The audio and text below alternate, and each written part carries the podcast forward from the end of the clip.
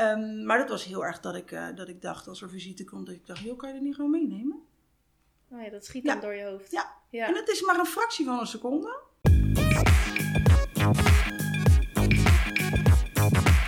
Hey, welkom. Leuk dat je weer luistert naar Dit is 30. Het is aflevering 77. En we hebben vandaag weer een thema-aflevering Ja. met een gast. Hi!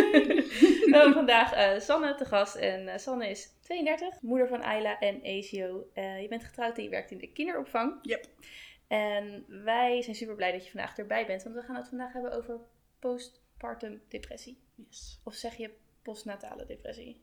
De, je zei postnatale depressie, maar je zegt tegenwoordig postpartum depressie. Ja, want het is, als ik het goed begrijp, postnataal is na de geboorte. Yep. Dan is het alsof de baby depressief is. ja, Zo heb ik het ook gelezen, ja. Daar heb ik nooit bij stilgestaan. En toen las ik dat, toen dacht ik, ja. dat is heel ja. gek. Ja. Ik, heb, ik dacht ook altijd postnatale de PND, postnatale depressie. Ja, maar ja. Dus ja, het is veel logischer postpartum, want het is natuurlijk na de bevalling. ja.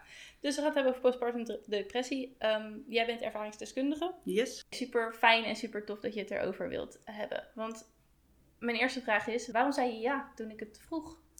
Om het een ehm, bespreekbaar onderwerp te, te maken. Het is, er hangt zo'n taboe op. Vrouwen die het, die het ervaren, die ervaren het echt als van, oh, ehm, iedereen eh, beoordeelt mij hierover. Maar, ehm, alsof je niet van je kinderen houdt. Ze denken dat ze gek zijn. Want hè, je hoort op een roze wolk te zitten, het moet allemaal leuk zijn. En dat is het niet. Dus niet bij iedereen in ieder geval. Want heb je daar zelf eh, last van gehad toen het je overkwam? Dat je het lastig vond om over te praten? Of dat je merkte dat de reacties? Het is heel lastig, want op het moment dat, dat je. Kijk, het is niet van een vingerknip en ik weet dat er iets is. Ja. Nee, je, je wordt voor het eerst moeder, dus ja, je denkt, joh, dit, dit hoort erbij. Hè? Je hebt kraamtranen ehm, en die gaan dan een beetje te lang door. Ik werd heel onzeker, ik kreeg uitbarstingen, ik werd om alles geïrriteerd. Dus op een gegeven moment heb ik ook gewoon mijn kind in de slaapkamer gezegd, deur dichtgesmeten en gewoon, eh, nou ik ben niet weggegaan, maar ik ben in een andere kamer gaan zitten. En dat waren wel momenten dat ik dacht, dit hoort niet. Maar dan moet je een stap nemen en denken, oké, ik heb hulp nodig. Ja. En dat is de allermoeilijkste stap. Ja, ja, dat kan ik me voorstellen. Ja. Want het is wel om jezelf heel kwetsbaar op te stellen. En het is natuurlijk ook, althans, het lijkt me een vrij ongrijpbaar ehm, eh, iets. Eh, voordat we je verhaal echt helemaal induiken, als er nu iemand luistert die deze gevoelens herkent of herkende, wat zou je tegen die luisteraar willen zeggen? Ik hoop eigenlijk dat er mensen luisteren die iemand kennen die zich zo voelt. Want op het moment dat je jezelf zo voelt, kan je eigenlijk geen hulp vragen. En als je iemand kent die zo zich, zich zo voelt en jij kan een hand geven, je kan, een, kan zeggen: pak mijn hand, ik help jou. Dat moet je doen. Want iemand die verdrinkt, die kan jou niks geven, maar die kan wel iets pakken van je. Ja. Oh, wauw. En dat, dat is ehm, wat diegene nodig heeft. Diegene kan niet zeggen, help mij, ik voel me niet lekker. Ja, want wat, wat je zegt, het is kwetsbaar opstellen. Ja. En dat, dat de, zeker moeders, die denken dat ze alles alleen moeten doen en alles eh, Ja, en daar gelijk staat, 100% moeten ja, en doen. er staat ook gelijk een hele moeder, moedermafia klaar om er iets Ja, van te vinden. Absoluut. Want wat mij wel triggert is dat je er net zei van ja, weet je, op een gegeven moment, hè, ik, ik eh, had een uitbarsting en weet je, ik, merkte Mhm. op een gegeven moment van hé, maar dit, dit hoort er niet meer bij. En toen zei je van ja, weet je, en dan moet je hulp vragen. Eh, ik vind het wel heel knap dat je dat inzicht wel zelf had. Had je dat ook echt op dat moment van hé, maar wacht even. Ja. Ja, dat was het moment. Maar dat was wel, ik denk dat ze tien maanden was. Toen dat moment er was, dat ik dacht, wow. Ja. En dat was echt het, het, het inzichtmoment eigenlijk. En toen ben ik met mijn man gaan praten, met Thijs. En die eh, zei, ja, ja, ja, je hebt wel gelijk, het is wel een beetje gek. En nou, dan ga je dus naar de huisarts. En ik heb elk moment, elke stap die ik nam richting de huisarts, dacht ik, ik keer om. Ja. Ik ga weg. Want hè, het hoort er gewoon bij, ik stel me aan. En nou ja, dan zit je bij die huisarts en die zegt, ja, dat gaat inderdaad niet goed. Dus nou ja, dan, weet je, dan gaat het hele balletje rollen en krijg je een verwijzing en ga je naar een, eh, een, een, een GGZ waarvan jij denkt dat dat oké is. Ja. En dan ook maar moet je afwachten of het klikt. En in mijn geval was dat in beide gevallen zo, dus dat is wel heel, eh, Heel Ja, fijn. Even terug, jouw dochter is nu acht. Ja. En je hebt nog een zoon van 3,5. Yep. En je hebt bij beide kinderen ja, heb Ja. een post, Postpartum postpartum depressie. depressie ontwikkeld. Ja. Dus hoe, oké, we hebben dus, we gaan even acht jaar, acht jaar terug. Mhm. Jij kreeg Ayla, ging dat, was het bevalling, zwangerschap goed? Of was het voor jou al, hoe zeg je dat, mentaal zwaar? Ja, ehm, buiten dus zeg maar, ja, ik vind het lastig. Je vindt Ja. het moeilijk om normaal, het woord normaal hiervoor Ja. te gebruiken. ja, ja, ja. snap is- ik. Ja. Ja. Dus eh, hoe heb je de, da- nou ja, hoe heb je de zwangerschap de, of- en de bevalling op het gebied van mentale zwaarheid ervaren? Moet ik het dan zo zeggen? Ik, ik weet niet, ik kan niet goede woorden vinden. Nee, maar dat maakt helemaal niet uit. Het, is, het, is gewoon, het, het maakt niet uit of je het niet, de goede woorden niet kan vinden. Het is gewoon goed dat je het probeert. Ja. Ja. Want als je niet weet waar, hoe, hoe je je voelt. Ik kan ook niet vertellen hoe een gebroken been voelt. Maar ik wil het er wel over hebben. Ja. Maar ehm, je, ja, je vroeg hoe, op het moment dat ik zwanger was, dacht ik, la di la di da di da, oh dat is zo leuk en ik voel me zo goed. En als ik erop terugkijk, denk ik, nee, helemaal niet. Nou ja, ik heb gewoon één grote show opgehangen.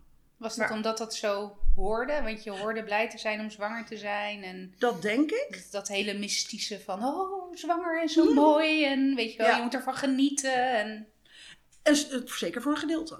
Ja, ja, maar ook het stukje dat je, je wil het zo graag Ja. fijn vinden. ja, Dus op een gegeven moment hou je een, heb je een heel toneelstuk en dat ga je zelf geloven. En dat, dat hè, het, het voelt fijn, want ja, hè, iedereen vindt het fijn. En ja, dan zou ik het ook wel heel fijn vinden. En achteraf denk ik op terug, denk ik, nee, zeker niet. Nee, ik zat mentaal echt nou, aan de grond, dus misschien wat ver. Maar het was niet... eh, En wat was het dan wat je, wat je zeg maar voelde in hindsight? Wat je probeerde dus te overbloemen met bl- blij doen? Ja, ja, ik, ik vind ik lastig. Om daar überhaupt een naam Nou, te geven. Juist, ja. Het is een, ehm, niet lastig om het over te hebben, maar gewoon lastig om, om, om het uit te leggen. Er het is een, iets niet in de haak. Juist. Ja. Het voelde niet oké, terwijl het wel oké hoort te voelen. Ja. Ja. Ja, dat denk ik. Ja. Ik vind het heel, heel lastig om, om, om uit te leggen, want je, je zit ook continu in strijd. Want je hart, ja, die wil dit graag en die houdt al van dat kind. En ook, hè, de, de, je gaat er echt voor. Want je neemt niet zomaar even hè, de bewuste of onbewuste keuze om ehm, eh, voor een kindje te gaan. Ja. Dus je wil het echt heel graag. Alleen je hoofd, Die gaat, die van de ene naar de andere kant. En die denkt, ja, maar dat hart, wat moet ik nou? En door al, dat al die dingen door elkaar heen gaan, raak je nog meer van de kaart. Ja. En denk je, wat, wat, wat voel ik nou eigenlijk? En toen, ehm, toen beviel je? Ja. Regular bevalling? Of, om dat Nee, nee, joh, te halen. was echt dit, thuis bevallen binnen vier uur. En Oh, helemaal, ja, joh, dat was echt, de, nou ja, inderdaad, om door een ringetje te halen. Zo uit, uit het boekje eh, gevlogen. ja. Dus nee, er was helemaal niks eh, mis mee Ja, hoor. Nee, Dus eh, geen reden zou ik zo nog geen... 30 keer doen. Ja. geen reden om geen roze wolk te hebben. nee zeker, zeker, ja. zeker. Ja, ja dat Ja. ging echt, eh, ja, ging eigenlijk prima. Ja. Ja. En toen kwam dus de eerste weken, de eerste... Ja, ja, kijk, de eerste week, de eerste twee dagen ben je natuurlijk... Dan echt de eerste twee dagen denk je, ja, je zit op je roze bol. Ja. absoluut. In mijn geval in ieder geval, hè. Ehm, en toen dacht Ayla, ik wil op mijn buik slapen. Ja, dat mag niet. Top! Nou, uiteindelijk had ik een kraamverzorgster en die zei... Weet je, leg er maar gewoon tussen je in. Dat ik dacht, tussen me in, dat mag ik helemaal Alle niet. boeken, Ja. ja. Ja. Ze zegt, doe een verschoonkussen tussen jou en je man inleggen. Ja. En ga dan zelf natuurlijk wel lager liggen. Ja. En ze zegt, je rolt niet op je kind. Nou, dat is ook echt zo. Sowieso als newborn moeder slaap je natuurlijk echt... Nee, je, je wordt van het minste begin, word je wakker. ja, ieder darmkrampje. Ja, dat, dat hoor je dus. bij wijze van spreken Ja. door die buikwand heen. eh, ja. Ja. Ehm, maar die, ehm, dat- ging wel prima. En dan komen die kraantranen. Ja. En dat hoort er ook allemaal bij. En het is allemaal zo leuk. Maar tegelijkertijd dacht ik, nee, dat is helemaal niet leuk.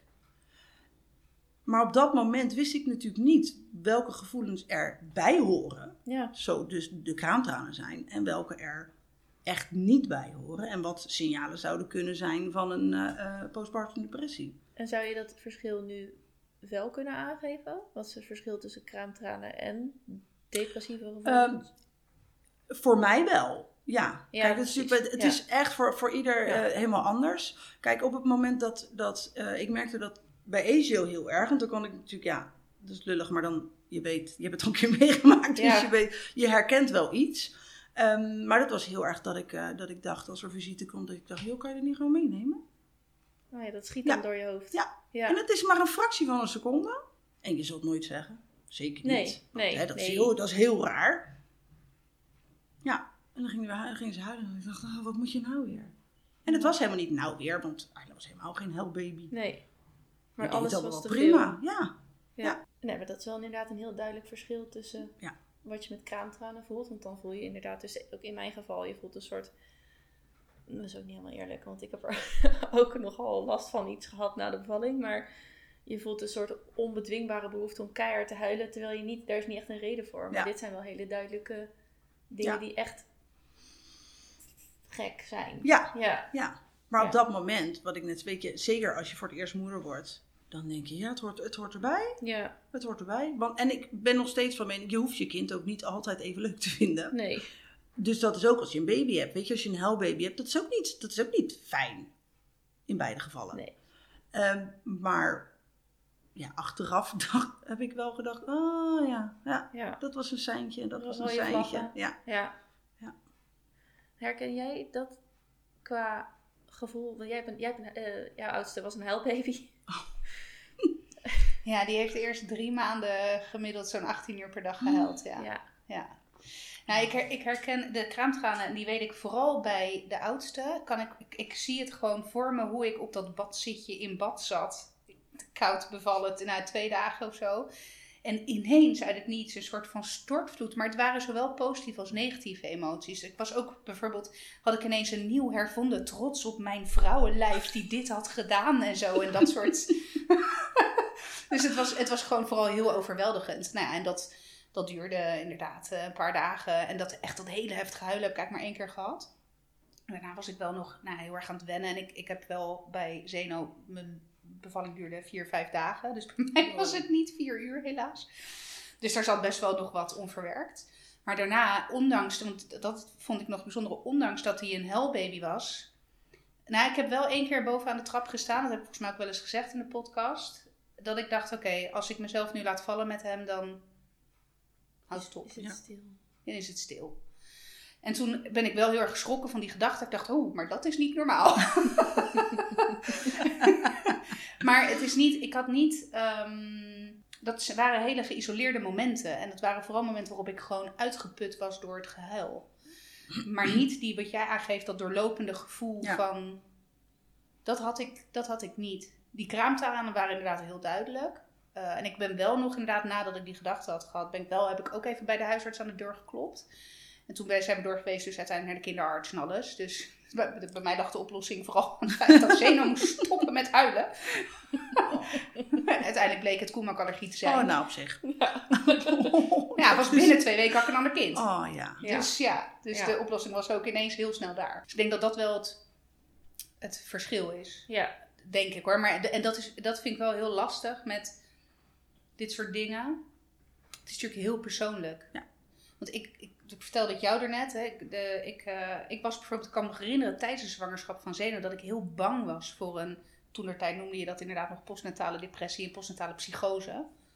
Daar was ik echt doodsbang voor. Ik weet nog dat ik met Frank zei, schat, als ik dit, als ik ineens gek ga doen of als ik ineens, weet je wel, let op en bel dan dit nummer. En weet je, ik was echt, daar was ik heel erg bang voor, omdat ik in het verleden wel een depressie heb gehad. En dat schijnt, Mhm. nou ja, een, Ja. een grotere kans te geven op. Dus ja, Oké, dus je, nou goed, je, je had die gedachte. Ja. Maar uiteindelijk na tien maanden, Ja, ongeveer denk ik. heb je in die tien maanden ook wel, zeg maar, oprecht genoten? Of overschaduwt zoiets toch wel eigenlijk alles? Eerlijk, ik herinner me gewoon niet zo heel veel van die eerste tien maanden. wauw. Ja. Ja. Ja. En dat is, dat is elke keer als ik dit zeg, is het Ja. weer confronterend. Dan denk ik weer, Ja. oh ja. Natuurlijk herinner je je wel dingen, hè? maar als je, ik, het komt meer boven als ik foto's kijk. Want die heb ik wel heel veel gemaakt. Gewoon, ja, dat, dat vond ik gewoon leuk. Dus dat, dat was misschien dan wel ook het stukje ehm, niet postpartum. Dat ik Ja. ook nog een stukje mezelf had, gelukkig. Ehm, maar als ik dan foto's kijk, denk ik, oh ja, oh ja, dat heb ik gedaan. Oh, dat was leuk. Maar als je mij nu vraagt, joh, wat heb je gedaan? Ik weet het niet. Ik weet het echt niet. Nee. Dus dat is wel heel erg slikken. Ja. Ja. Ja. Dat is Ja, echt heel lastig. Ja. Denk je dat je daar al meer mee in het reinen bent? Ik heb het wel meer verwerkt dan, dan hè, een aantal jaar geleden. Maar ik denk dat dat altijd iets blijft dat ik mezelf dat kwalijk neem. Ja. Wauw, dat je het jezelf Ja, kwalijk Zeker, neemt. absoluut. En ook al weet ik Ja. dat ik er niks aan kon doen. Nee. Maar dat is, misschien is dat wel iets moederachtigs. Ja. Dat je, dat je toch, hè, je doet het nooit goed genoeg. Sowieso Maar- we koninginnen druk leggen op onszelf. Ja, Absoluut. Maar ik denk wel dat ik, dat ik me dat ehm, nou, bewust en onbewust nog wel kwalijk neem. Ja. Oké, en met tien maanden, Thijs die zei, hm, ja, Ja. Oh, ik heb, ook wel, ik heb ook wel iets aan je gemerkt Ja. de laatste tijd.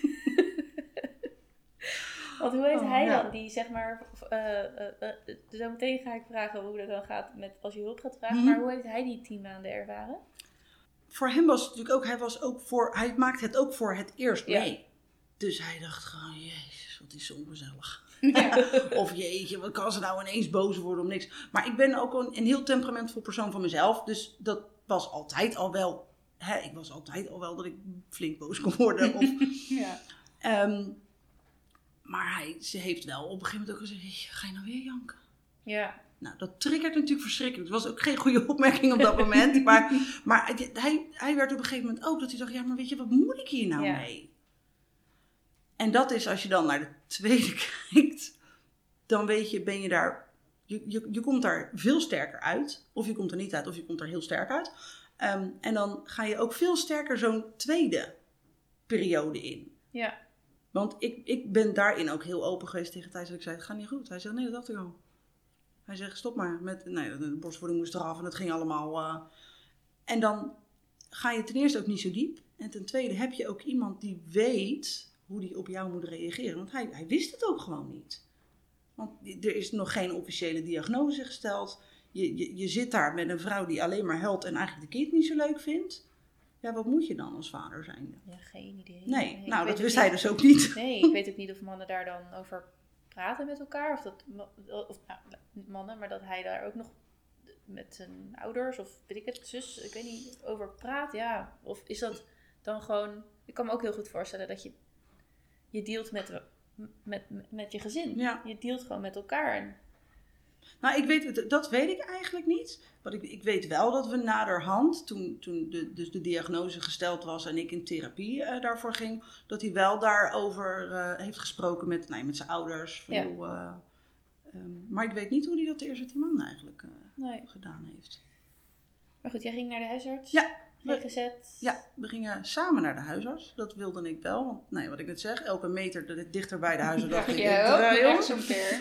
Ehm, nou ja, en die zei, eh, nee, dat is inderdaad niet oké hoe dat gaat. Nee, nee, nou, dan kan ik je doorverwijzen naar, eh, naar de GGZ. Nou, en dan heb je verschillende organisaties die, eh, die dat doen. Je zit niet alleen bij de GGZ. Nou, dat was natuurlijk een wachtrij van niet Tokio toen al. Ja.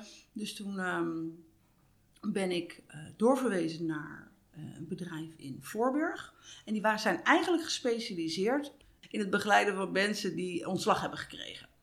En ik verloor op dat moment ook mijn baan. Dus het was dubbelop. Joh. Ja, ja. Ik was, eh, dat- even een kleine zijstap. Ja. Ja. Ik was zwanger en toen werkte ik al in de kinderopvang. En toen was de economische crisis van twee, nou ja, 2012 was dat, dacht ik. Ja. En ehm, ik ja, kwam er als laatste bij in mijn leeftijdscategorie, dus zwanger of niet. Oh, Dan moet je eruit. Ja, dat maakte het niet beter, kan Nee, ik je nee. vertellen. Ja, dus, ehm, dus nou ja, ik uiteindelijk naar, eh, naar dat bedrijf gegaan. En ehm, die man, nou jongen was het eerder. ehm, en die kon mij gewoon heel duidelijk dingen uitleggen. En dat is wat je nodig hebt op het moment dat jouw hoofd een, een chaos is. Is dat je duidelijk uitleg krijgt. Wat is het probleem? Wat kan je eraan doen? En wat gaan we er samen aan doen? Dus eigenlijk was hij heel eh, praktisch in zijn Ja, aanpak. ja. Kun je een voorbeeld geven? Ehm, nou, ik gaf bijvoorbeeld aan dat ehm, als ik eh, thuis was en eh, ik, was, nee, ik had geen werk, dus ik was sowieso thuis met Ayla en ehm, ik wilde en stofzuigen en ik wilde de ramen lappen. maar Ayla die moest ook, want hey, je moet natuurlijk wel je kind ook genoeg, genoeg buitenlucht geven, dus dan moet je ook nog naar buiten en ze moet eten. Dat hij zei, oké, Snap ik. Maar waarom moet je nu stofzuigen en de ramen lappen? En niet nu stofzuigen en morgen de ramen lappen? Ja, dat weet ik niet, zei ik. Ja. Hij zei, nou, dat dus. En dus ik heb ook geleerd lijstjes maken en afstrepen. En ehm, als je nou een keer geen zin hebt om... eh, of nee, als, als je nou een keer het eh, moeilijk vindt om met je kind naar buiten te gaan... dan doe je het een keer niet. Van die simpele dingen waarvan ik nu denk van... joh, dat, dat, waarom, waarom heb ik dat nooit zo makkelijk gezien? Ja, alsof hij, alsof, hij toestemming gaf en het dan... Oh, dus Ja. het mag. Ja, ja. nou zoiets. Ja. Zoiets. En hoe, hoe werkte dat? Hoe werkte, ik weet niet, was die therapie voldoende om ook de, zeg maar de negatieve gedachten, of die gekke negatieve gedachten die bij je opplopten, of dat, dat ik vind je eigenlijk niet, zo- of ik vind, nou, vond je, nee, vond je Ayla niet leuk, of vond je het moederschap niet leuk? Hoe moet ik dat, ik, want ik heb niet het idee dat je, misschien doe ik een aanname, maar ik heb niet het idee dat je een negatief gevoel richting de kinderen hebt. Absoluut niet. Nee. Nee, absoluut niet. Bij, in Eilander geval was het denk ik ook gewoon onwetendheid. Oké, ik ben nu verantwoordelijk voor een kind. Eh, dat- Ja. dat, dat was even, dat eh, was niet door mijn hoofd geschoten toen we dachten, we gaan aan kinderen beginnen. Voor een leven. Nou, dat een- dus. ja, dat dus. Dus je, ik was 24 en ik dacht, oh leuk, laten we kinderen beginnen. Dat op zich. Dat is op zich helemaal niks Nee. mis mee. Maar, dus het was wel een shock. En gewoon het feit dat ik hele hoge eisen aan mezelf stel. Dus ik wil, hè, je, je moet het gewoon goed doen. En nou ja, nu ben ik daar veel minder veel eisend in. Maar op dat moment toen ik van Ayla, joh, en, en mijn kind moest goed eten. En het moest dit, het moet goede kleren hebben. Terwijl ik geen baan had, dus hoe ga je dat dan betalen? Dus nee, het is niet zozeer dat ik mijn kind niet leuk vond. Maar gewoon het hele gebeuren eromheen. Dat ik dacht, Ja. "Oh, als je het kind wegneemt, dan hoef ik ook geen moeder meer te zijn. Ja, Nee, ja. Maar dat, tegelijkertijd werd ik weer boos op mezelf dat ik het dacht. Ja. Want het is niet wat je wil. En dan wordt het zo'n vicieuze cirkel. Juist. Ja. Juist. Waarin je en enerzijds en dan ook nog zeg maar die gevoelens hebt en dan ook nog eens jezelf afstraft omdat Mhm. je die gevoelens niet mag hebben. Juist. Plus het feit dat je vaak ook, en gelukkig heb ik het idee dat dat wel steeds minder is, maar dat was toen zeker niet zo. Dat je opbokst tegen het perfecte Instagram plaatje, het perfecte moederschap en nou ja, de moedermafia die ik ook aan het begin al even heb genoemd. En het feit dat je wordt afgemaakt op het moment dat je aangeeft, Ja. joh, nee die roze heb ik niet. Ja. Ik vind mijn kinderen niet altijd leuk. Ik heb het moeilijk. Ja. Ik vind het moeilijk dat ik ineens mijn nacht op moet geven. Dat ik ineens niet meer zomaar naar buiten kan wanneer ik dat wil. Dat ik mijn deel van mijn lijf heb op moeten geven voor mijn kind. Ja. Maar dat mag je allemaal niet vinden als moeder, want je moet blij zijn op die roze wolk. En dat Ja. maakt denk ik ook het nog moeilijker wel. Ook om het onderscheid te voelen van, hé, hey, is dit nog normaal of niet? En durf ik er wel mee naar buiten, want, want die hele freaking maatschappij staat judgmental Ja. Ja, voor me. ik ga echt alle kanten op. We houden even vast aan de therapie en hoe die hielp. Maar Mhm. stel, nu Joop met dit verhaal te vertellen dat wat bespreekbaarder wordt. Mhm. Wist jij van mensen die dit hadden? En zo- nee, had het jou op dat moment geholpen als je had geweten dat er mensen waren die dit hebben? Ik kende helemaal niemand die ehm, een postpartum depressie had gehad. Natuurlijk heb ik het wel, hè? Je, je, je leest je in. Want als moeder Ja. zijn, als toekomstige moeder wil je alles weten. Ja, Dus dat die ook. stapel boeken. Ja, ja. Ehm, en toen dacht ik, oh, dat overkomt mij nooit. Nee, dat overkomt mij niet. Ja, jammer joh. Wel dus. Ehm, en ik denk dat er, als ik iemand in mijn omgeving had gehad die had gezegd, ga niet zo lekker hè? Vertel eens. Of gewoon gezegd, hier heb je een kop koffie. Nou ga je alles eruit gooien wat er Ja. is. Dat dat mij in een zekere zin wel had geholpen Ja. dat ik, dat ik eerder stappen had ondernomen ehm, om ehm, nou, naar de huisarts te gaan en een verwijzing te halen. Ja, Ja. Dus het is meer dat iemand anders dat bij je losmaakt. Ja. Maar ja, je wist wat het was. Je, eh, je hebt inderdaad de- alle stapels boeken gelezen Mhm. die we allemaal kennen. Dus dat is niet zozeer degene geweest waardoor je al heel snel kon herkennen of toe- toegaf van... eh, nee. Nee. Even terug dan naar, die, naar de therapie, naar de lijstjes, naar het hulp bij eigenlijk het hele praktische. Hoe heeft dat, heeft dat er dan voor gezorgd dat die negatieve gevoelens weggingen? Of dat die, dat die, dat die zwarte wolk dan werd opgelicht, zeg maar? Eh, het heeft in, in, ja, het heeft geholpen omdat je rust in je hoofd creëert. En als je rust in je hoofd creëert, dan, dan heb je al die al die dingetjes die ervoor zorgen dat er chaos in je hoofd is, die heb je gewoon allemaal netjes op een stapeltje gelegd. En dan kan je gaan concentreren op de gevoelens en de emoties die er in je hoofd zweven, waar het eigenlijk dus om gaat. En op het moment dat je. Ik had het, het nou ja, tussen haakjes voordeel dat ik mezelf zei van ja, maar weet je, het is niet oké dat je je zo voelt. Ehm, het mag er wel zijn. Ja. En dat is het stukje ehm, ehm, verwerken. Want op het moment dat je tegen jezelf zegt: Oké, het is wel gek dat je, dat, je, dat je eigenlijk geen moeder wil zijn. Maar oké, hè, het is zo, je voelt je zo. Waarom wil je dat niet? En dan ga je, kom je inderdaad, wat jij zegt, ja, bij, die, bij die, die nachten die je op moet geven. Of hè, het feit dat je niet meer kan denken: Ik pak nu mijn spullen, ik ga even lekker ergens een wijntje drinken.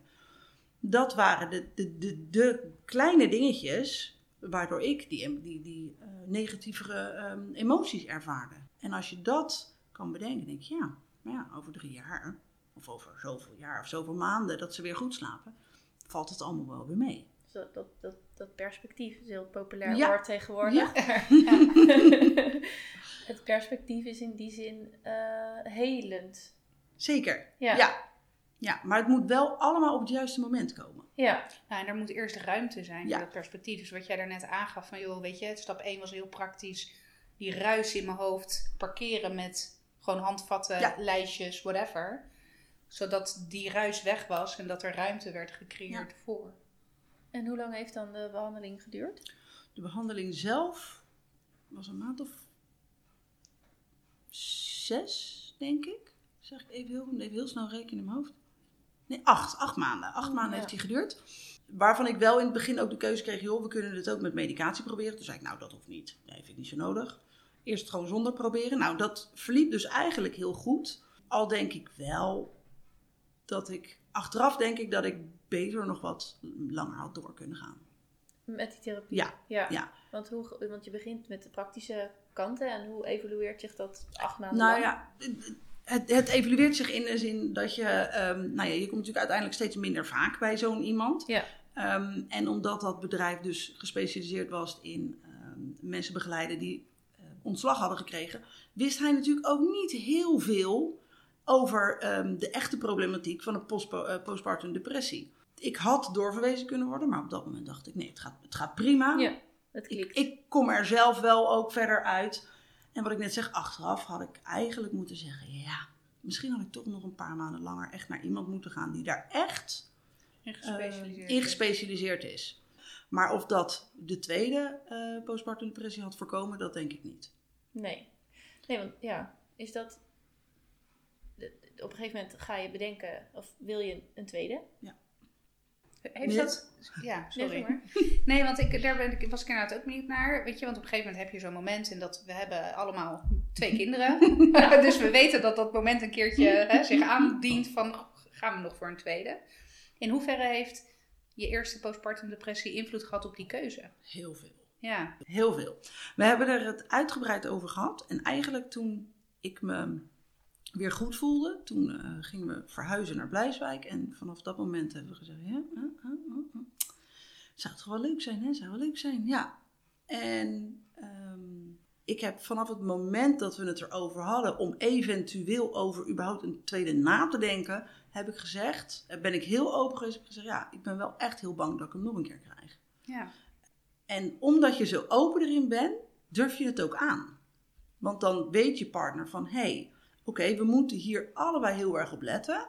Ehm, en dat komt natuurlijk eigenlijk de eerste, sowieso de eerste paar weken na je bevalling komt dat, kwam dat gewoon op Thijs neer. Want ik was natuurlijk, ik had sowieso mijn kraamtranen.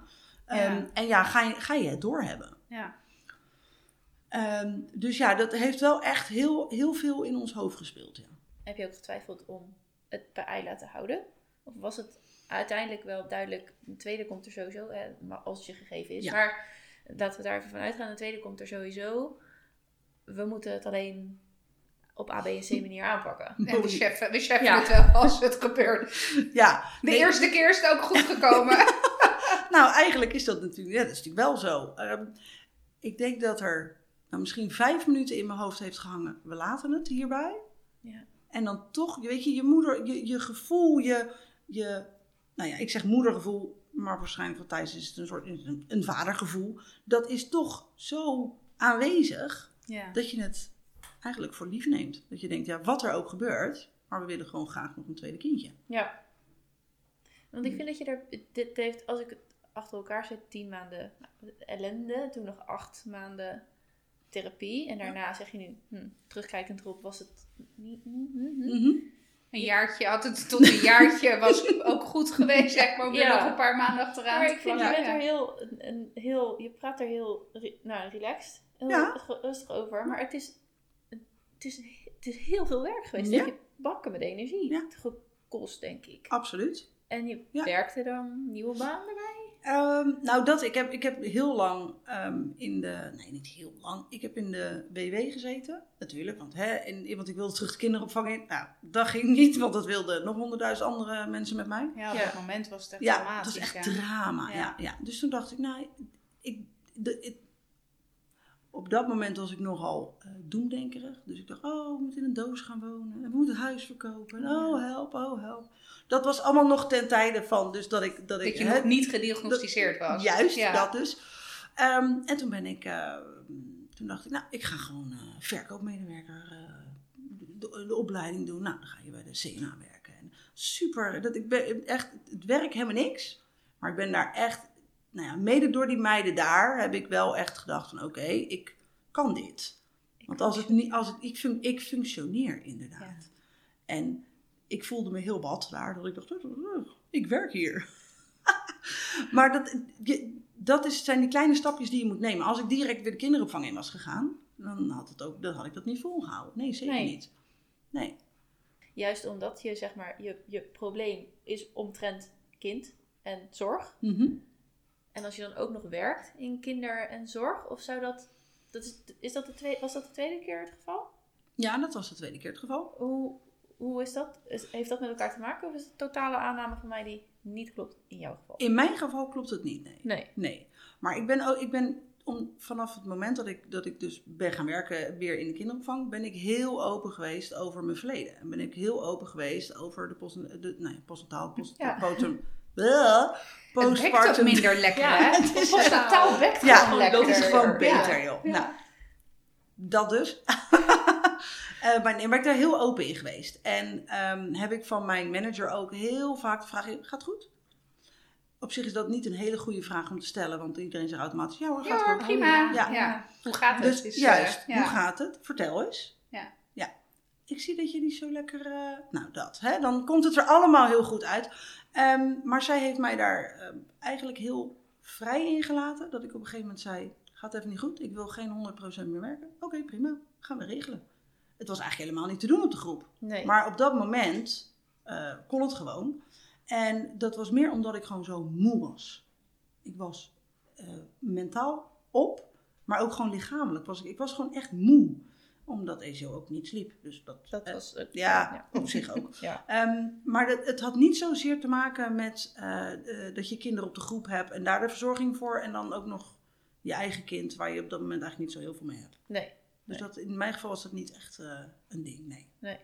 Maar goed, jij werd dus, eh, jullie kregen een tweede. Ja. Zwangerschap, bevalling. Kada, ECO. Ja. Nou, even voor, de, even voor, voor mijn eigen nieuwsgierigheid. Wederom uit het boekje. Zeker, Oh. zeker, zeker. Ja. Wel een, een inleidingsboekje, Oh, maar, het was, ja, maar dat was dus bij ESIO, merkte ik met week... Nee, ik heb het gezegd met week 35 tegen de verloskundige dat ik zei, het gaat niet goed. Nee, ik merk het. Ik merk dan al, het gaat niet goed.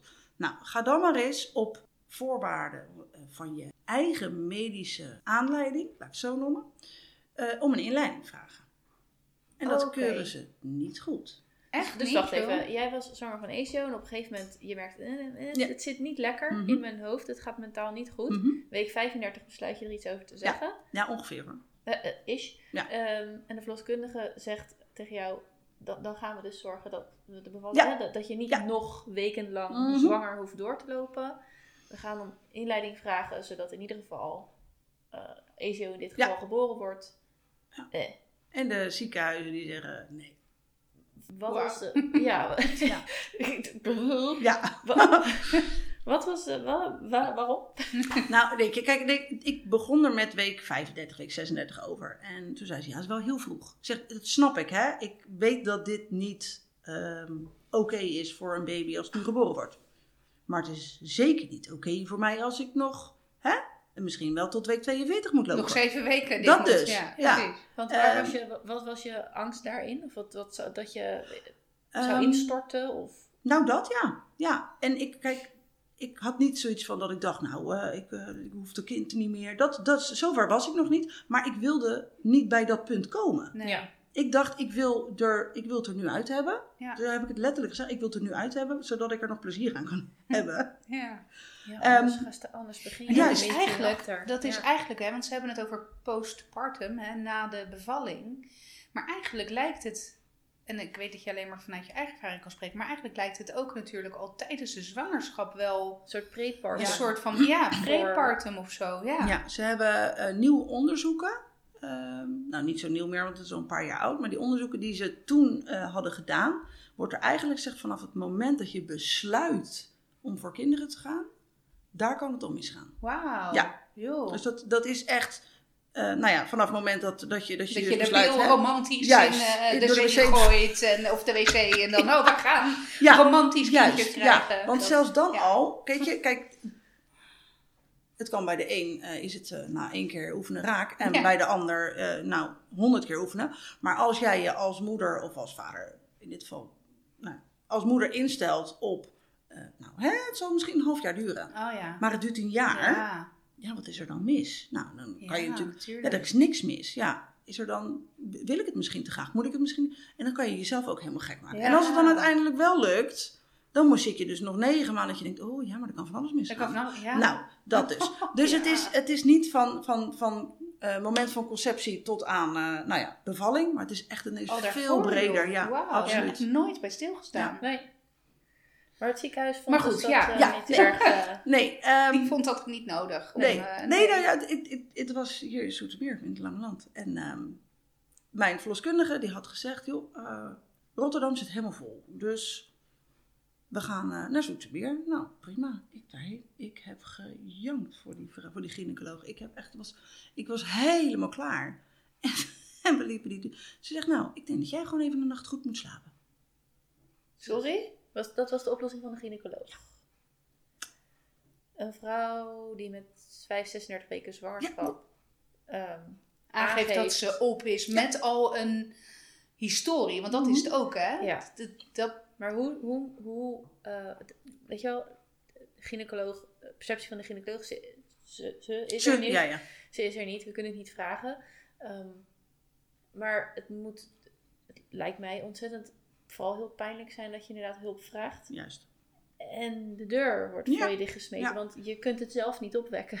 Nou Nee. ja, Ja. nou, en het wordt ook, maar goed, het wordt ook nogal gebagatelliseerd. Met Ja. ja. ga jij maar gewoon een nacht goed Ja. slapen, meisje. Ja. Weet Ja. je wel? Dat meisje verzin ik er dan Nee, bij. maar ja. Ik kan me voorstellen dat, je je zo voelde. Nou, absoluut. Ja. absoluut. Ik heb me nog nooit zo ellendig gevoeld. ja. Ja.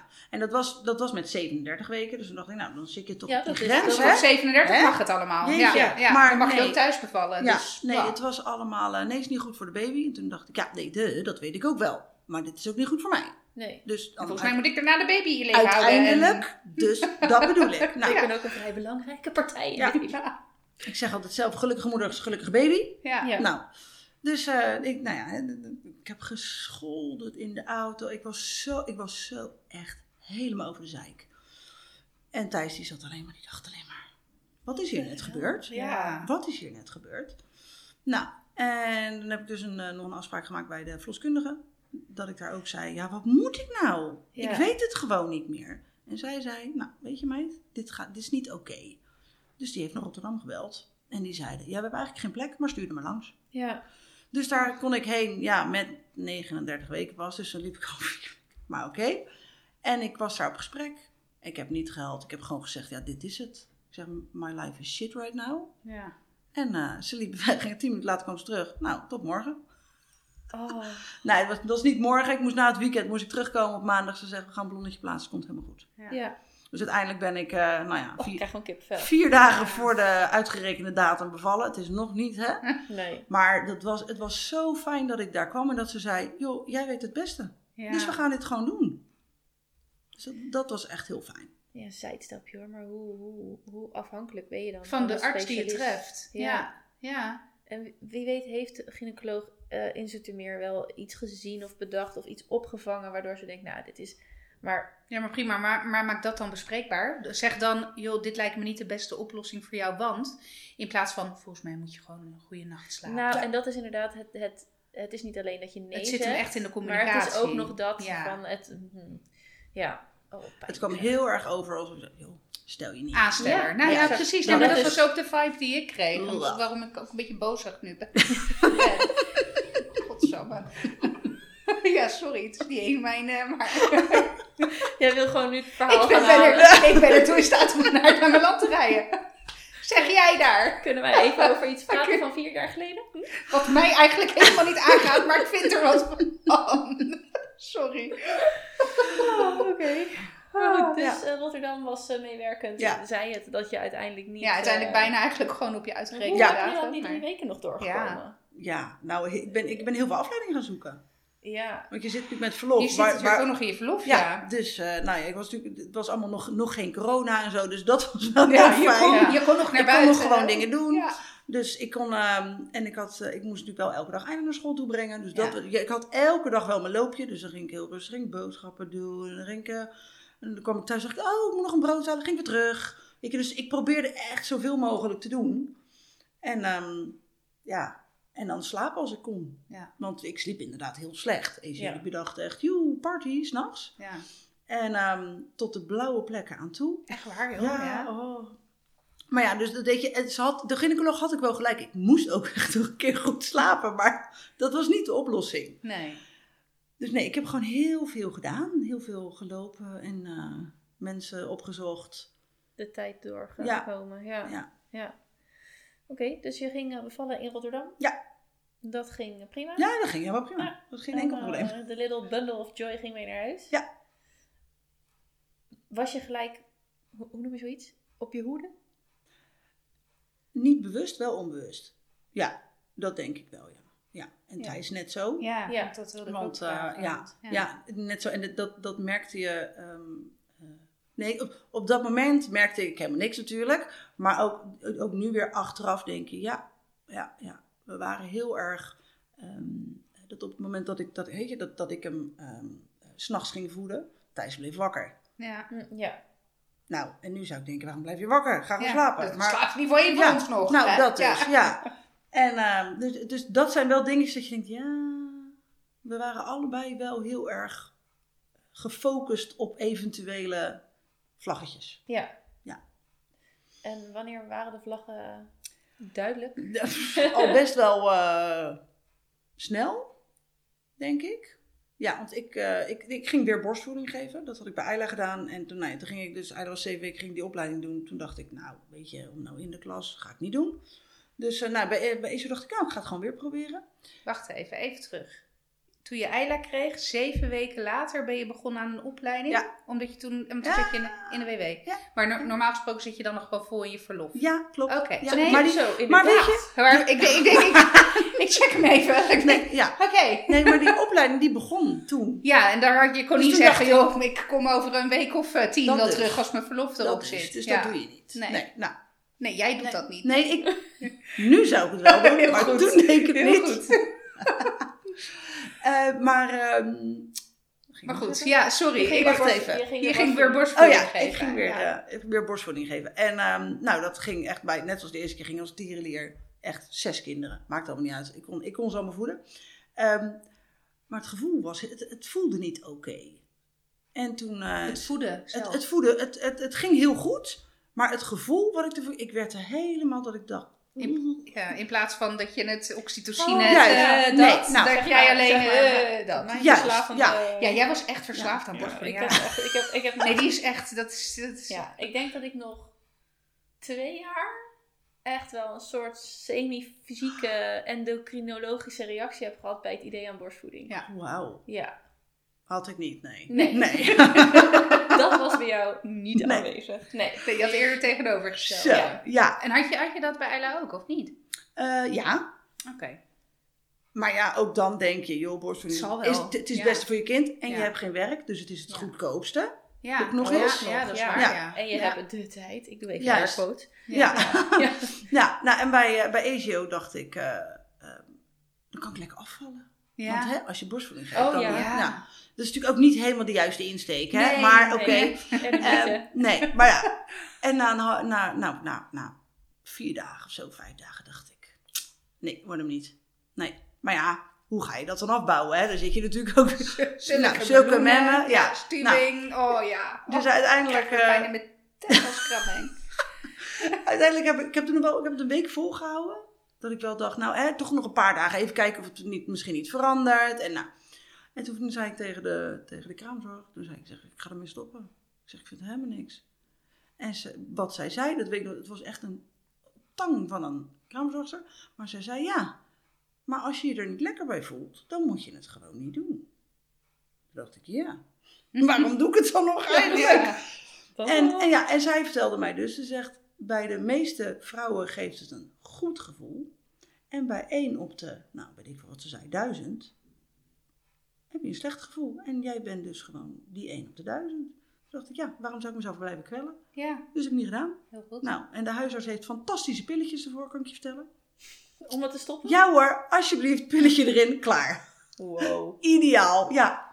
Ik heb nergens last van gehad. Nee hoor, hoppakee. Nee, het is, hij, hij zei, zij zei, joh, het is een week, probeer het. En eh, gaat het toch nog door, dan zou je misschien nog een paar keer moeten afkolven en dat soort dingen.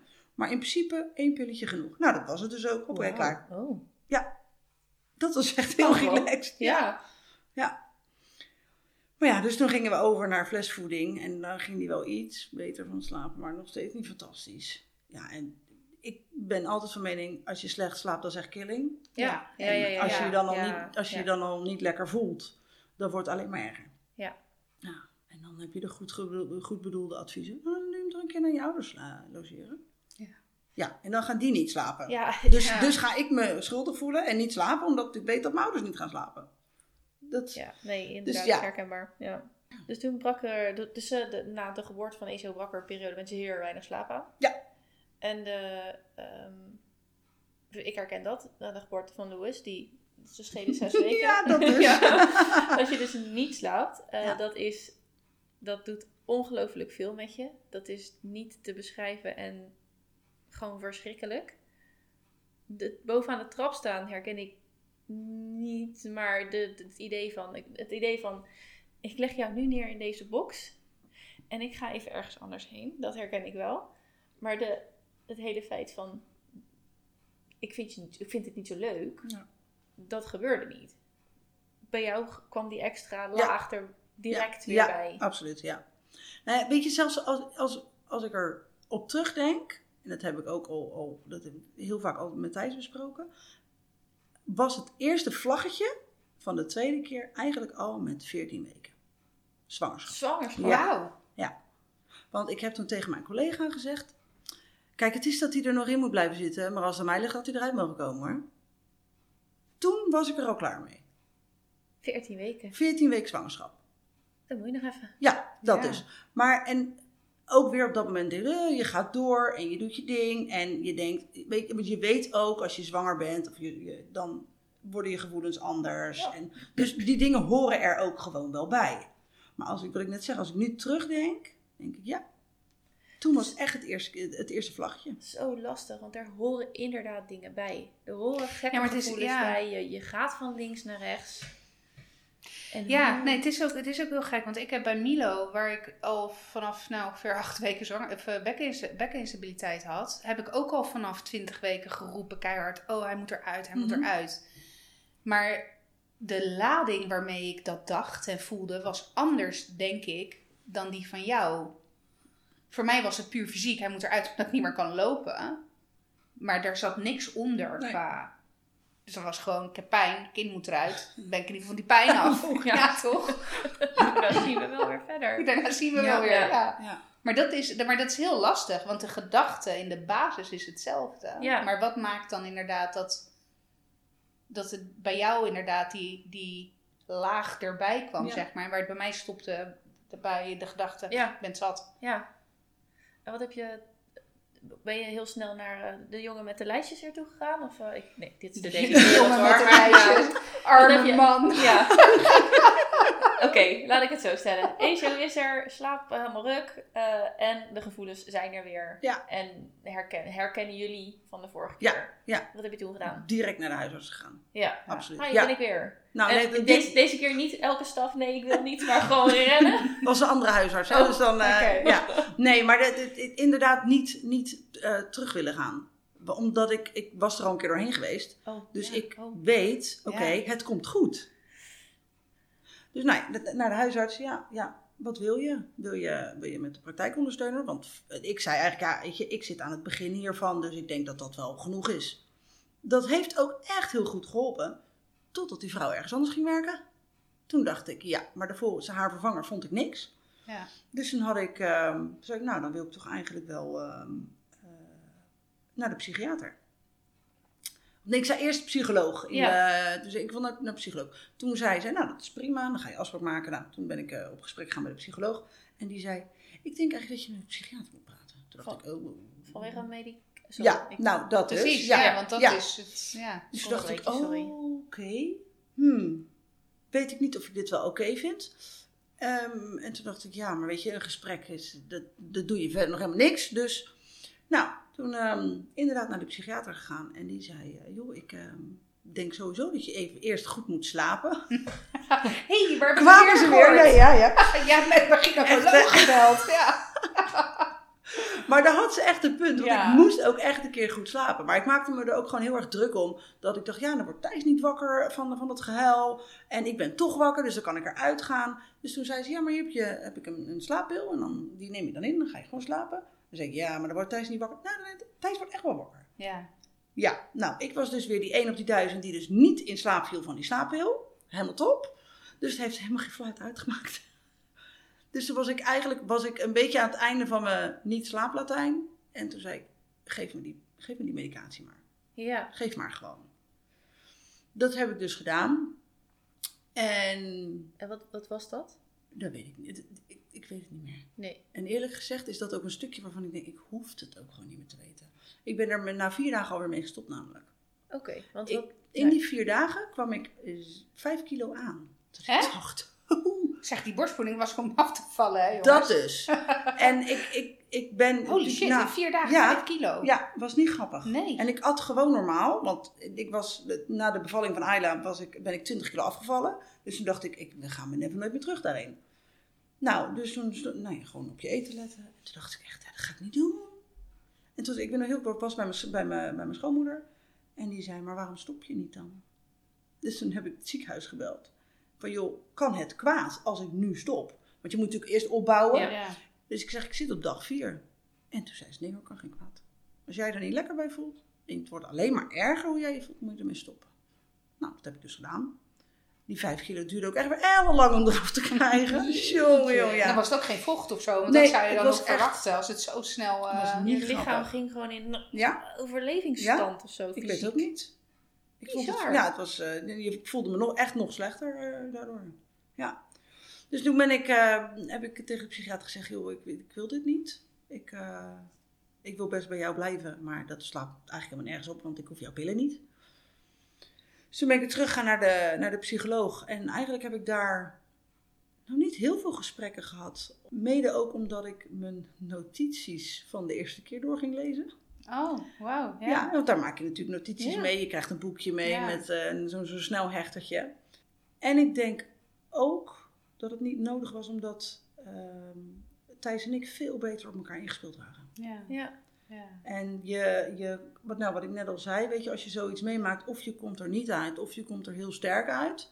En dat is, was in ons geval echt zo. We zijn er echt heel sterk uitgekomen.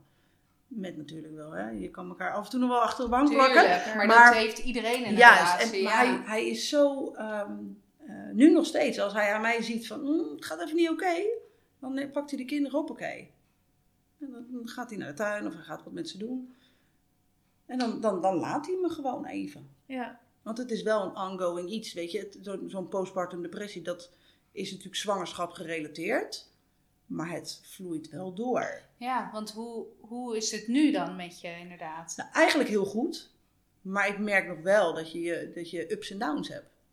En als je. ehm, het, het is, hij is, het- de postpartum is overgegaan in een. Nou ja, noem je dat overgegaan? Ik denk misschien wel. Een overgaan in een.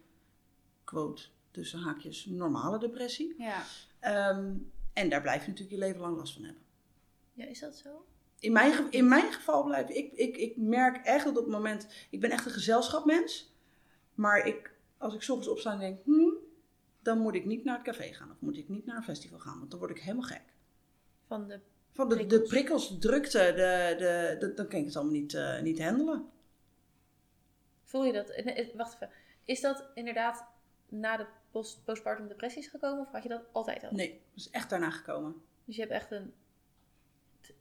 Een, li- een litteken wat... Nou, Nou, ja, een emotioneel litteken. Ja. Ja, me- mentaal litteken. mentaal ja, ja, litteken. absoluut. Al zie ik het niet echt als een litteken meer hoor. Het is meer gewoon een ding. En ehm, ik zie het meer als iets wat mij ehm, gevormd heeft. En ehm, ik deal daarmee. Het is, het, is, het is niet een negatief iets, denk Nee, ik. Nee. Het is Het, het, het, het, het is er. Het hoort nu Het, bij hoort erbij. Ja, want ik heb wat, ik heb ge- nou, heel veel dingen geleerd, maar ook geleerd dat als je erbij blijft hangen, dan wordt het alleen maar erger. Als je denkt, oh, vroeger, was, vroeger kon ik dit wel. Oh, en toen kon ik dit ook. Ja, dat kan ik nou niet meer. Nee, ja, dat kan je nu niet meer. Nee, punt. Ik krijg even een reality check hier hoor. Dus eh, Ja, het is all in the mindset dan. En hoe je ermee omgaat. Ja. Maar wel knap hoor, want ik kan me, ik kan, het is natuurlijk heel eh, aanlokkelijk of nou ja, gevaarlijk of hoe je het ook wil noemen, om te blijven hangen in dat negatieve Mhm. inderdaad. In wat je allemaal niet meer kan. Ja. Terwijl je het ook kan embracen. En eh, nou ja, maak je tot wie je nu bent. Nou, dat, dat is het. Dat is het. Je kan ook heel veel dingen niet meer, maar je kan ze niet meer doen op de manier waarop je ze deed. Precies. Ik kan ze nog steeds doen. Ja, Alleen soms moet ik het dan een dag daarna doen. ja, precies. Of ik moet het op een andere manier doen. Want het is, het is nu, zeg maar, als je kijkt naar hoe dan.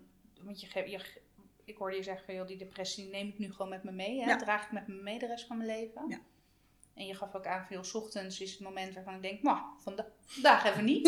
Ja? en dan, dan kan het ook inderdaad zo zijn dat je de dag daarna gewoon Ja. denkt, oh, prima, Ja, kan de wereld weer aan. Ja. Dus dat is echt dag, dagelijks. Het is, ehm, nou, het is ehm, zelfs, het kan zelfs zo zijn dat ik ochtends opsta en ik denk, god. Ja. En dat ik na de lunch denk, nou, nou het gaat wel oké. Maar overal ehm, heb ik zo, nou ja, misschien één keer in de drie maanden dat ik echt denk, dat Ah, ik echt, echt een zwarte dag heb, zou ik Ja. maar zeggen. Misschien Ja. zelfs één keer in de vier maanden. En dat was in het verleden één keer in de week. Ja. Misschien wel twee keer in de week. En wat is dan een zwarte dag? Heb je dan, eh, want ik, ik ken depressie niet, maar als ik dingen over depressie lees, dan denk ik heel gauw aan mensen die echt het de einde aan het leven willen maken. Ik, ik noem maar Nou, wat. Nee, zo heftig is het niet. Je hebt geen maar er eh, zijn suïcidale wel- gedachten gehad. Ja, zeker wel. Wel. Ja, absoluut. Ja. En wanneer, wa- wanneer was, was dat, dat, is dat dan een dieptepunt? Ik, dat- Nou, dat is wel. Ik, ik, heb ze gehad. Dat ik dacht, nou, als ik nou tegen de boom aan rijd, dan heb ik nergens meer last van. Ja. Maar tegelijkertijd ook het idee, ga ik natuurlijk niet doen. Ja. ja, oké. Dus ja. dat. dus de Dus- ridiculousness van het idee Juist, was nog steeds... ja. Absoluut. Dus ik, Ja. ik was nog wel een beetje helder Ja. op zo'n moment.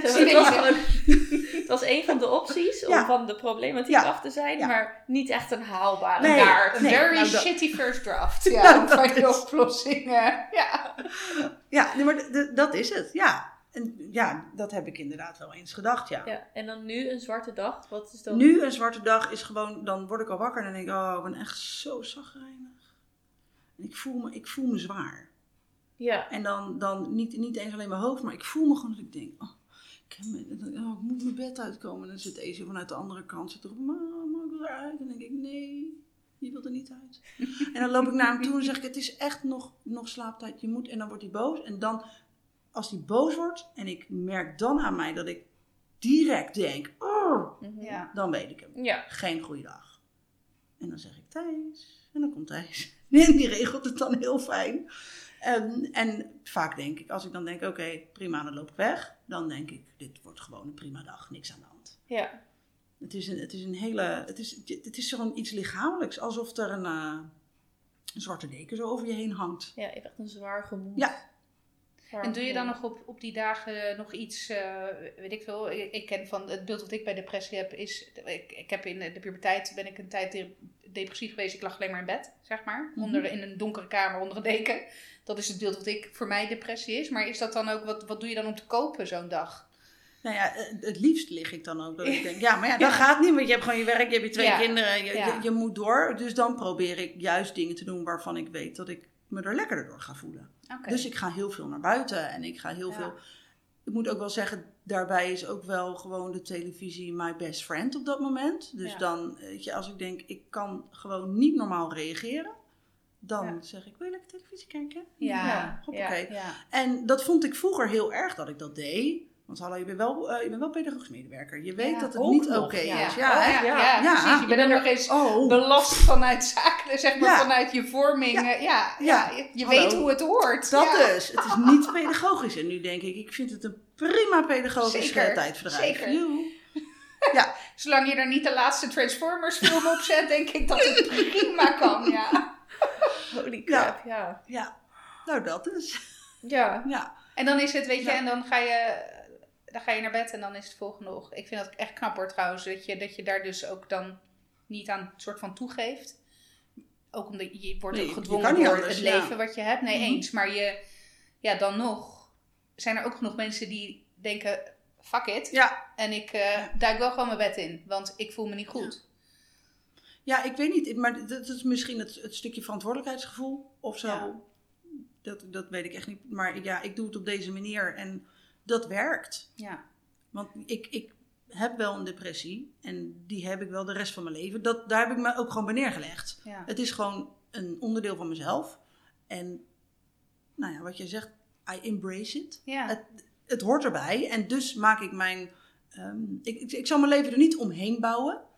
Maar, Nee, maar het is je iets, het zit in mijn rugzak en ik neem het mee. Het kan natuurlijk wel de keuzes beïnvloeden. Van dat je op zo'n dag, als je op zo opzet, dat je niet denkt, nou, ik ga vandaag eens even dat nieuwe project op mijn werk aanpakken. want, nee, hè, nee, dus nee, nee. laat ik nee. dat even morgen doen, Ja. zeg maar. Ja. Dus het heeft, en, en in hoeverre, want ik, hoor dan, ik hoor je zeggen van, joh, weet je, ik, die depressie draagt me mee. Ik, ik voel een stuk acceptatie en berusting daar ook in. Ook als Mhm. ik nu naar je kijk hoe je het erover hebt. Is dat, niet, is dat een belangrijk onderdeel ook van die berusting? Dus het, het stukje acceptatie en, het, nou ja, en echt het omarmen van hé, hey, het hoort bij me. En het, brengt, het heeft me ook gebracht dat ik de persoon ben die ik nu ben, waar ik trots op ben. Absoluut. Ja. Ja, op het moment dat je, dat je... Dat is met alles natuurlijk. Als je iets niet accepteert, Ja. dan, dan blijf je hangen. En dan kan je ook niet verder. Ja. En dat natuurlijk, het heeft echt heel veel moeite gekost. Absoluut. Om, om, om te bedenken, ja, weet je, dit is iets... Ik heb, ik heb heel erg gedacht, waarom overkomt dit mij? Ja. Ja, dat weet je niet. Dat is nou gewoon eenmaal zo. En dan, heb je, dan ga je nadenken, oh, zitten er misschien in mijn familie mensen die dat gehad hebben? En, en dan ga je dat allemaal uitzoeken. Nou, dan kom je achter, achter sommige dingen, niet, niet zozeer eh, postpartum depressies, maar wel gewoon depressies of, of eh, ehm, eh, hoe noem je dat? Burn-out en dat soort dingen. Maar dan denk je achteraf, ja, maar wat heb je daaraan? Wat heb je aan het... Wat, wat heb je eraan dat je weet, oké, mensen in mijn familie hebben dit gehad. Ja, die erfelijke belasting die zegt Ja. Het zegt helemaal niks. eigenlijk niks. Nee. Het zegt, ja, oké, het is niet gek dat je het hebt gekregen. Nee, nee, oké. Maar wat bereik je daar verder mee? Ja. Ja, oké. Het, het heeft bij mij, voor sommige mensen zal het misschien een stukje eh, helpen bij het accepteren. Want het is niet hun schuld Juist, of zo, weet je maar- wel. Ja, ja. Bij mij was dat ja, misschien onbewust dan, maar ik denk niet dat dat bij mij heel veel effect heeft gehad. Heel veel invloed heeft gehad, nee. Nee. Nee, ik- Nee, want het zou ook niet uit moeten maken, in principe. nee. Want het is überhaupt niet jouw schuld Nee. als er zoiets je overkomt. Even Nee. los van je historie of niet. Maar hoe weet je nou dat je moet stoppen met er tegen vechten? Of het, het- het- zeg maar, ik, vanuit mijn eigen persoonlijke ervaring, ik heb nog steeds, maar dat is pas sinds zeer recent, zie je vorige podcast, heb ik dus bedacht dat de PTSS die ik heb opgelopen na mijn eerste bevalling, dat die niet over is. Mhm. Dus daarom zit ik ook, oh, dit is echt een reality check voor mij. Maar het voelde wel, dat zei jij letterlijk, het is geen gebroken been Nee. die je in een gripsje zet en na zes weken weer over is. Nee. Dus wanneer komt dan het idee van, oh, dit, hoe, weet ik het, hoe, het- dit is, wat is het moment dat je denkt, oké, stop met vechten, ga door. Of is het misschien iets wat gewoon ook bij jou Het- altijd al, eh, ehm, zeg maar, In je mentaliteit. in je ja, mentaliteit. Nou, ja. Ik ben sowieso iemand van niet lullen maar poetsen Ja. en hoppakee doorgaan. Ehm, dus dat zal er zeker ook wel Ja. een beetje in hebben geholpen. Ehm, en ik, ik, het, het is niet een stukje, ehm, oké, knop om en je hebt het geaccepteerd en je gaat door. Het is natuurlijk een, een weg die je afgaat. En op het moment, ja, een proces inderdaad. En op het moment dat ik bedacht, oké, dit is iets wat, wat ik dus altijd bij me blijf houden. Dan denk je eerst, oh shit. En daarna denk je, ja maar, dat, nee, daarna heb ik bedacht, wat heeft het voor zin? Even heel simpel denk, wat heeft het voor zin om hierin te blijven hangen? Ja, wat brengt het me? Ja. Het brengt helemaal niets. Nee, En ja. wat brengt het als ik dit accepteer en doorga? Wat heb je dan om van te genieten? Je hebt twee kinderen, je hebt een vent, je hebt een leuk huis, je gaat op vakantie. Je hebt, je hebt, eh, ik heb mijn ouders nog, ik heb, ik heb iedereen in mijn omgeving, ik heb leuke vriendinnen. Dan denk ik, ja, als ik dus hierin blijf hangen en denk, waarom ik? Dan ga ik dat allemaal missen. Ja. Want het is natuurlijk voor, voor de mensen eromheen, is het ehm, bijna net zo zwaar. Als dat je zelf zo'n postpartum depressie hebt. Of een depressie hebt. Ja, want eh, nou, dat werd door je verhaal wel duidelijk dat Thijs een hele grote rol heeft gespeeld. Mhm. En nog steeds speelt. Ja, absoluut. Hulde aan Thijs. Hulde Mag aan Thijs. Mag ik het even zeggen? Ja. even een shout-out Ja, naar naar Thijs. Ja, echt. Nee, maar echt hoor, oprecht. Want een heleboel, een heleboel mannen, mensen, whatever, die, die zouden dat niet op die manier eh, kunnen ook. Even Ah, los van het willen, eh, maar ook het kunnen. Dus Ja. Hoe is hij hierdoor, is hij hierdoor ook veranderd? Of is het, hoe, hoe is hij hieronder? Zeker, zeker. Ja, niet, niet zo ehm, groot verschil, zou ik maar zeggen. Niet zo wezenlijk. nee, nee, als, Nee. als wat ik zelf heb doorgemaakt.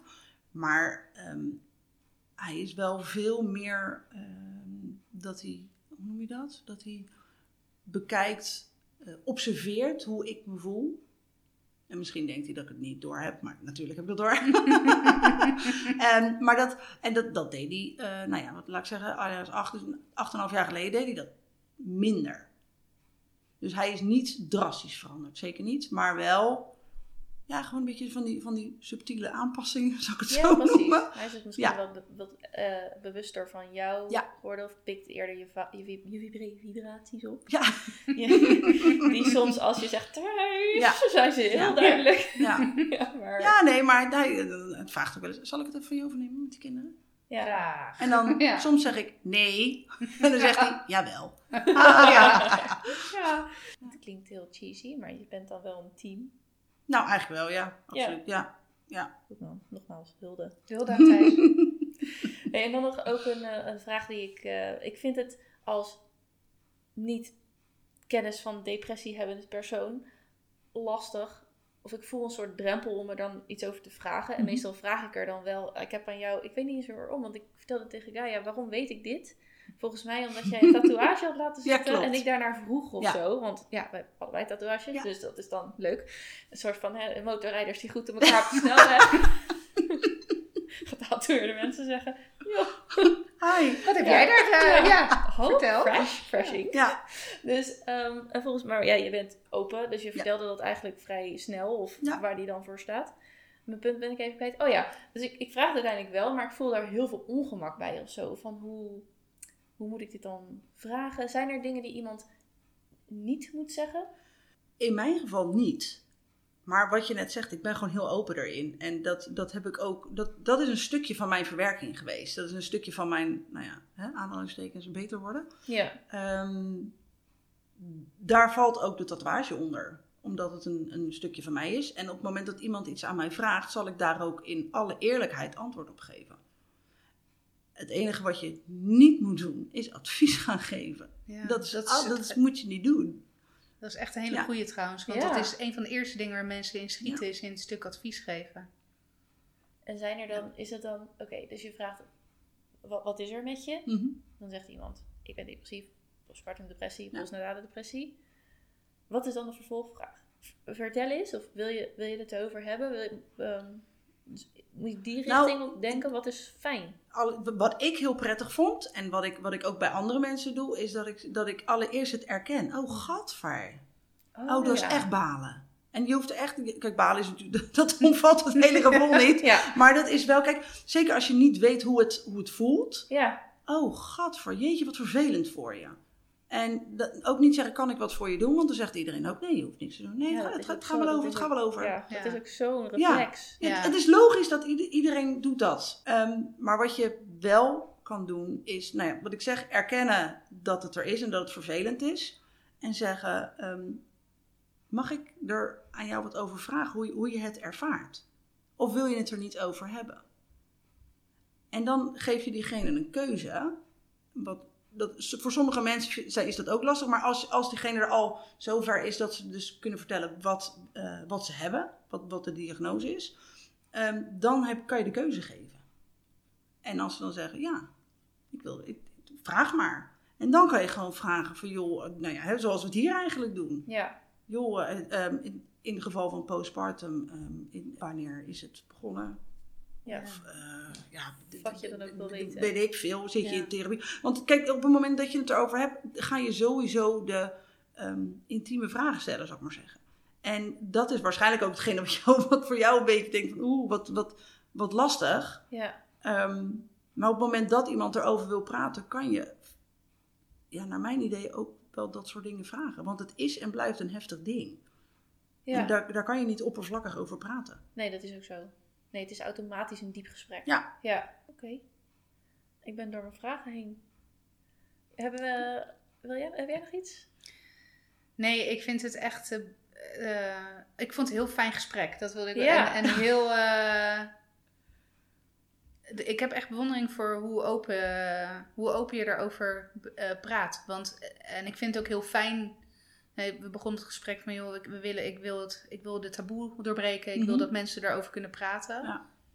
En ik denk dat dat, eh, dat dat in ieder geval bij ons gelukt is. Fijn. En, en neem maar ook wel het stukje, want ja, weet je, jij stelde op een gegeven moment ook de vraag, ja, ken je überhaupt iemand? Nee, ik ken ook eigenlijk niemand waarvan ik het weet. Dat, Ja. is, dat, is, dat is de vraag van, ken ik echt niemand? Ja. Of ken ik niemand waarvan ik het weet en waarvan ik het dus ook nooit heb gevraagd? Nee. Terwijl er genoeg mensen en moeders zijn in mijn omgeving waarvan ik nu ineens denk, shit, ik had die vraag best kunnen stellen. Ja. Ja. En wat een gemiste kans. Ja. Ja, maar Dus. toen, toen had je de kennis nog niet. Nee, nou ja, precies. dan- dan- nee, nee, nee, inderdaad. En maar, daarom moet die, die, die taboe Ja. eraf. Ja. Als, ik, als ik kijk naar mijn werk, hè, als ik, als ik op, op de groep sta, zijn er zoveel moeders dat ik ja. denk. ja. Ja. En heel vaak zeg ik het ook. Ga niet lekker, hè? En dan komt het eruit. Nee, ik slaap slecht. Heb ik ook niet een keer bij jou staan janken? Dat is zeker. Ja, Zeker.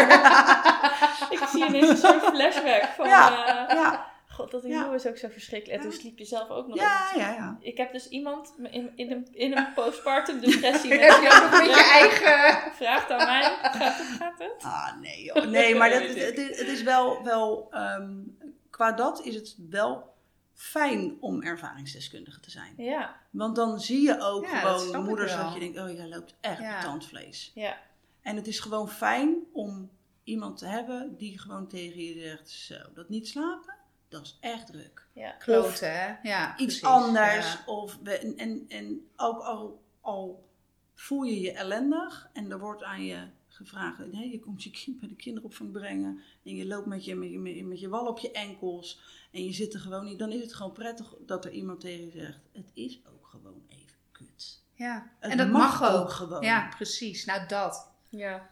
Dat. Het hoeft niet altijd allemaal even Nee. leuk. Het, hoeft, het is niet altijd een feestje. Soms zijn Nee. kinderen ook Ja. gewoon bloedirritant. Nou, Mag dat. best gezegd Ja. worden. Ja. Ja, nee, maar ja. dat heb ik wel vaker in de podcast geroepen. Ja. Als mijn kinderen ooit als volwassenen die podcast horen, dan ze, die moeder van mij.